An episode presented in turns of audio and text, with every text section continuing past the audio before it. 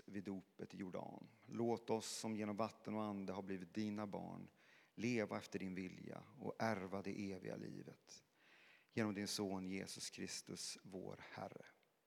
Amen. Hör Herrens ord. Söndagens gammeltestamentliga text är hämtad från Andra Mosebok kapitel 1, 22 till kapitel 2, 10.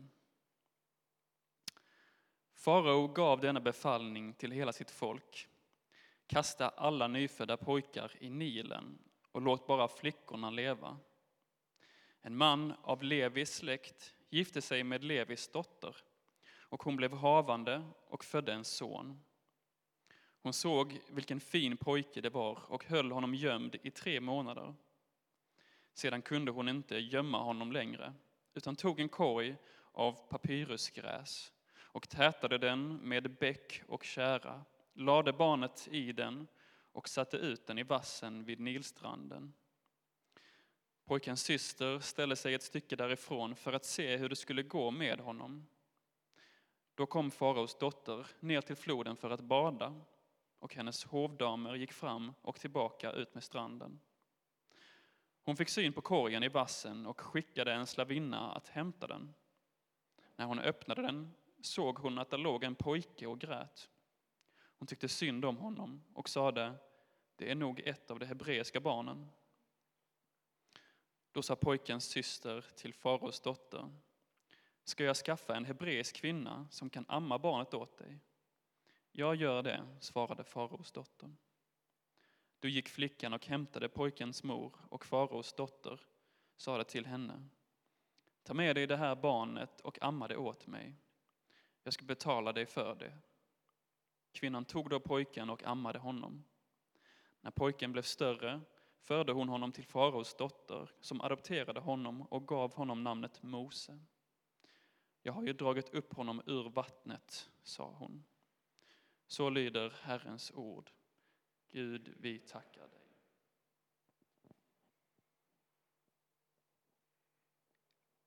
Vi lyssnar till denna söndagens episteltext från första Johannesbrevet kapitel 5. Han är den som kom genom vatten och blod, Jesus Kristus, inte bara med vattnet utan med både vattnet och blodet. Och anden är den som vittnar, ty anden är sanningen. Det är tre som vittnar, anden, vattnet och blodet, och dessa tre är samstämmiga. Vi godtar ju människors vittnesbörd, men Guds betyder mer, ty detta är Guds vittnesbörd. Han har vittnat om sin son. Den som tror på Guds son har tagit emot vittnesbördet i sitt inre. Den som inte tror på Gud gör honom till lögnare eftersom han inte tror på det vittnesbörd Gud har gett om sin son. Och detta är vittnesbördet. Gud har gett oss evigt liv och det livet finns i hans son. Den som har hans son har livet. Den som inte har Guds son har inte livet. Så lyder Herrens ord. Gud, vi tackar dig.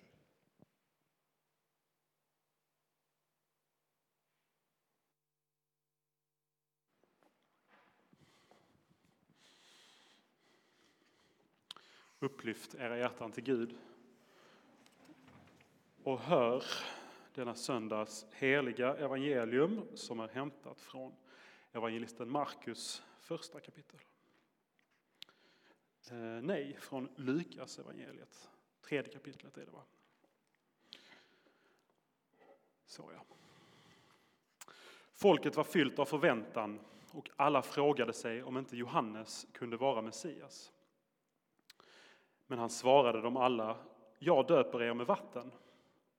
Men det kommer en som är starkare än jag och jag är inte värdig att knyta upp hans sandalremmar. Han ska döpa er med helig ande och eld.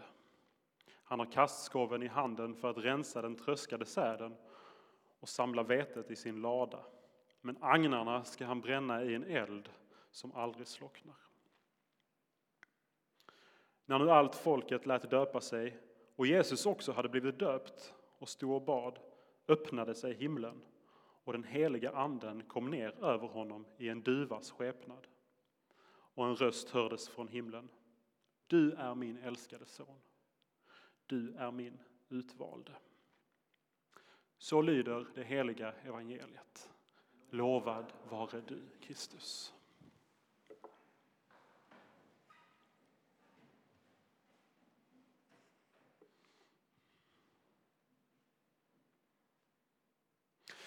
Vi befinner oss i kyrkoåret i eh, Epifania, trettondagstiden.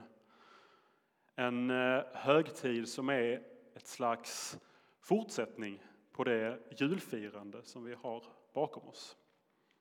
Inte så egentligen att julen är slut och färdig nu, utan nu fortsätter den in i trettondagstiden. Och det här är en gammal, mycket gammal högtid i kyrkan.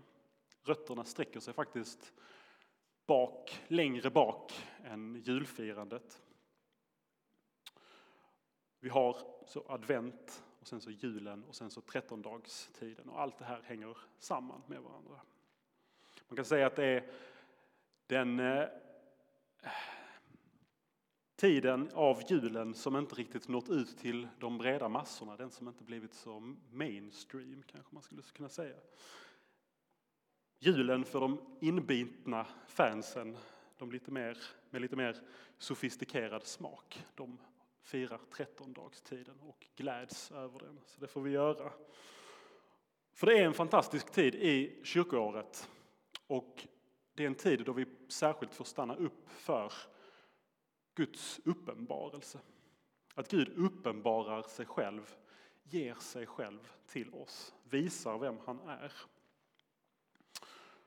Och det finns tre texter som har kommit samman och blivit de tre stora uppenbarelsetexterna i den här högtiden. Och alla tre texterna som egentligen är ganska olika och spretar åt olika håll hänger ändå ihop i det att de handlar om Jesu gudomlighet och hur den blir uppenbarad för människor. Det är texten om stjärntydarna, de visa männen som kommer till Jesus och ger gåvor och kallar honom för kung. Det är bröllopet i Kana där Jesus förvandlar vatten till vin, hans första underverk. Och så är det då Jesu dop, scenen som vi har läst här. Där Fadern, Sonen och Anden uppenbaras på ett särskilt sätt. Ska man säga någonting om uppenbarelsen och Bibelns beskrivning av hur Gud uppenbarar sig och hur uppenbarelsen fungerar så kan man säga att det finns en kyrkofader som heter Maximus, bekännaren, som noterade att när det kommer till uppenbarelsen så är det så att även när Gud uppenbarar sig för oss så är han på ett sätt dold för oss. Gud både uppenbarar sig och döljer sig. Gud kommer till oss i Kristus, Jesus, och den som ser Jesus har också sett Fadern, ser Jesus. Men även i Jesus är på ett sätt Gud dold för oss. Det var ju inte så att människor överallt där Jesus gick fram pekade på Jesus och sa Se, där kommer Gud själv. Så man såg en människa. Så funkar det med uppenbarelsen. Å ena sidan kommer Gud till oss och uppenbarar sig, men på, andra, på ett sätt är han samtidigt fördold för oss, för vår blick.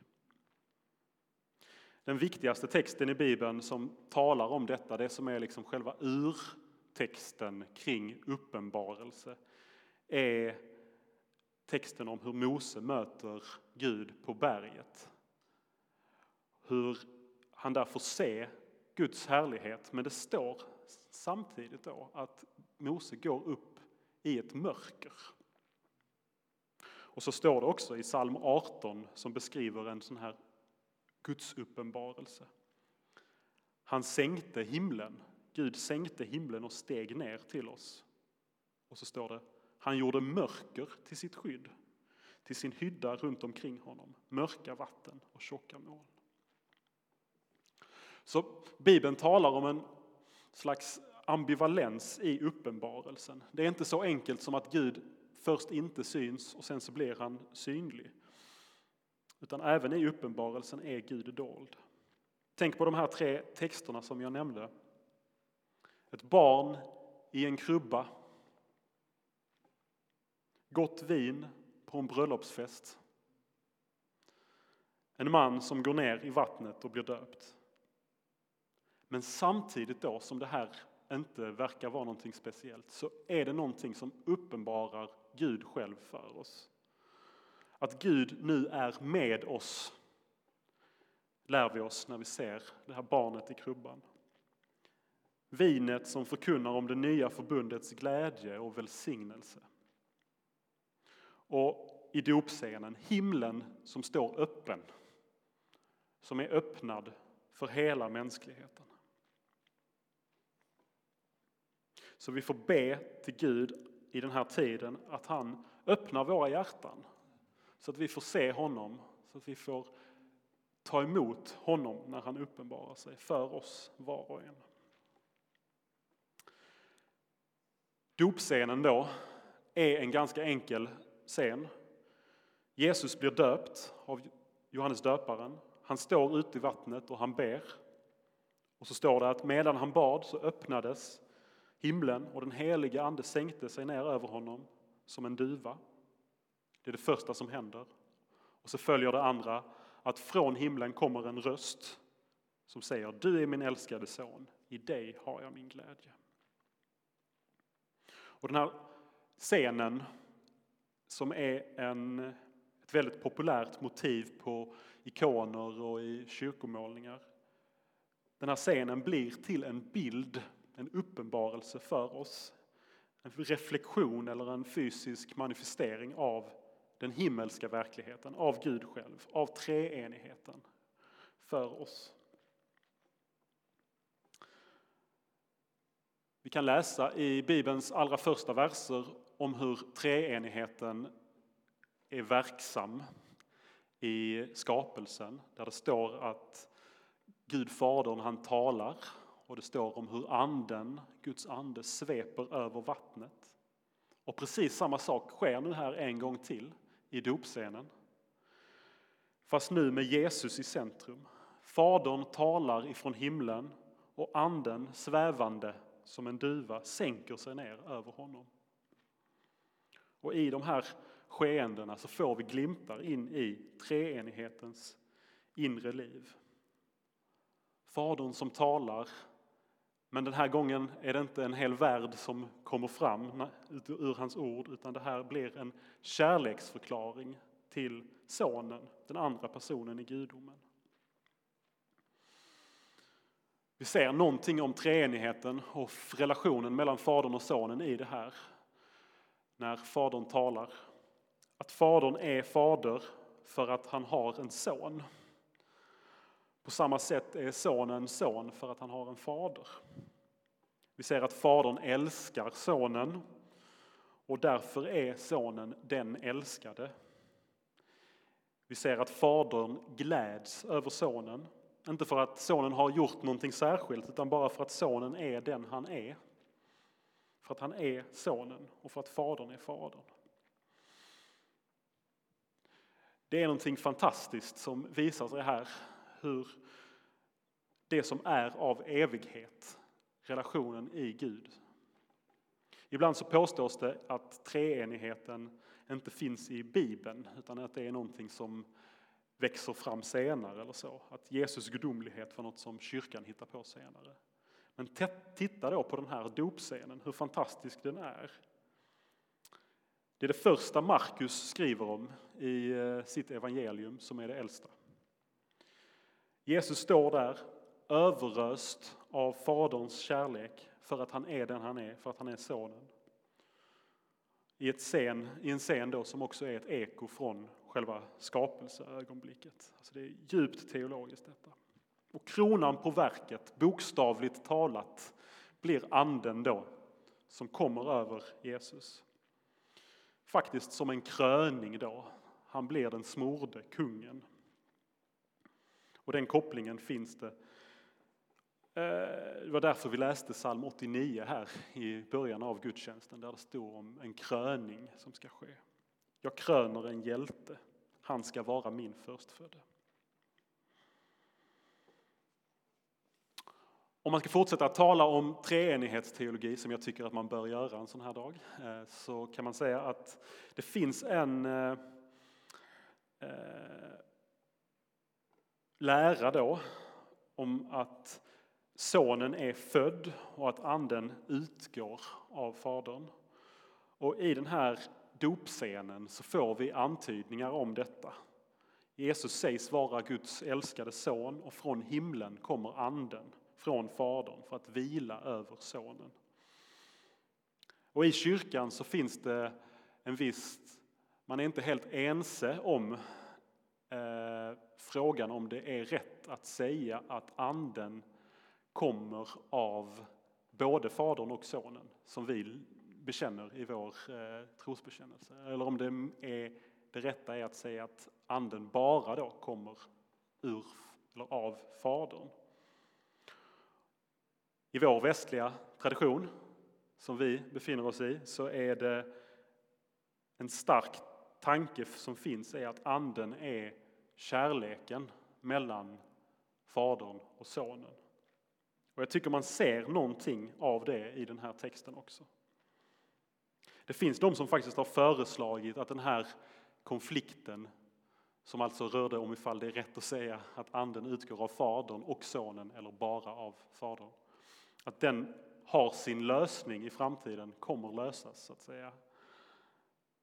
Av att man istället säger att anden utgår av Fadern genom Sonen, eller till Sonen till och med. Jag tycker en sån förståelse skulle passa rätt så bra med den här dopscenen som vi har framför oss idag. Att Fadern öser av sin kärlek över Sonen, öser sin ande över honom, ger anden till honom. Och kanske finns här också en biblisk koppling bakåt till Höga Visans användning, symbolik med duvan som en bild för kärleken. Att duvan kommer ner, kärleken kommer ner över sonen. Ja. Allt det jag har sagt här nu är på något sätt beskrivningar av treenighetens mysterium som blir uppenbarat för oss i den här scenen. Men inte då beskrivningar som är tänkta som att säga Förr var det här ett mysterium, men nu har vi löst det, så att säga. Lyssna på mina bra beskrivningar, så är det här fixat, den här treenighetens mysterium. Utan snarare då beskrivningar som är tänkta att väcka vårt inre. Föda en längtan i oss, att närma oss Gud mer och mer. Han som uppenbarar sig för oss. Honom får vi ge respons på med vår kärlek, vår längtan, vår bön.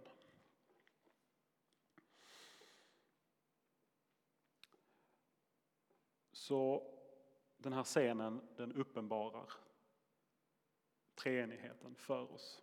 Ska man bli lite mer handfast och konkret hur Gud kommer till oss och vad vi lär oss om det utifrån den här texten så skulle jag vilja påminna också om kopplingen mellan Jesu dop och vårt eget dop. Det finns en tydlig biblisk koppling här mellan eh, Jesu eget dop som uppenbarar treenigheten och hur Jesus sen sänder ut sina lärjungar att gå ut och missionera för hela världen och döpa alla folk i Faderns, Sonens och den helige Andes namn. Alltså treenigheten kopplad till dopvattnet i båda fallen. Så vad som sker i Jesus dop hänger ihop med de välsignelser som vi har i vårt dop. Dopet i Faderns, Sonens och den helige Andes namn. Och det står då att himlen öppnades för Jesus när han döps. Utgångsläget är ju att vägen till Fadern är stängd. Människan har kastats ut ur paradiset. Det har satts änglar att bevaka vägen in igen. Vi läser i Bibeln också om hur vägen in i det allra heligaste i templet är stängd för folket. Men för Jesus vid hans dop och för oss i vårt dop så öppnas himlen. På samma sätt som förlåten rivs i templet vid korsfästelsen. Himlen står öppen för oss i och med att vi döps. Vägen till Fadern är öppen genom Jesus. Och så står det också i texten då, den andra delen, att anden sänker sig ner över Jesus. Det är inte bara så att himlen öppnar sig lite grann på glänt och nu finns det kanske en möjlighet för Jesus att se någonting av Gud i den här scenen, utan Gud kommer själv ner till honom ifrån himlen med sin ande. På samma sätt kommer Gud till oss i dopet med sin ande, tar sin boning i oss. Det är inte bara så att skulden är borttagen och himlen är öppen, som om det nu skulle vara så bara. Utan det är också så att Gud kommer till oss med sin ande. Gud kommer nära oss, ger av sig själv, låter sin ande sväva över var och en av oss. Omsluter oss på alla sidor och håller oss i sin hand. Så i den här scenen så ser vi hela bredden, fullheten i frälsningen gestaltas. Gud både förlåter, renar, öppnar vägen till sig och möter, upprättar och förvandlar med sin ande. Och detta har vi genom dopet. Jag tänker på profeten Hesekiel när han profeterar Jag ska stänka rent vatten på er så att ni blir rena. Jag ska låta ny ande komma in i er. Här har vi också bredden i fullheten i frälsningen. Allt detta som finns tillgängligt för oss och som vi får påminnas om när vi läser den här texten. Och genom dopets frälsande kraft då, om vi ska återvända till uppenbarelsen, så blir också uppenbarelsen en möjlighet för var och en av oss. Vi kan få nya ögon att se och tro att Gud är vår fader. Att sonen är vår broder, att anden är vår hjälpare. Och vi kan få ett nytt hjärta som klarar av att bära insikten, insikten om att Gud säger också till oss, du är mitt barn, i dig har jag min glädje.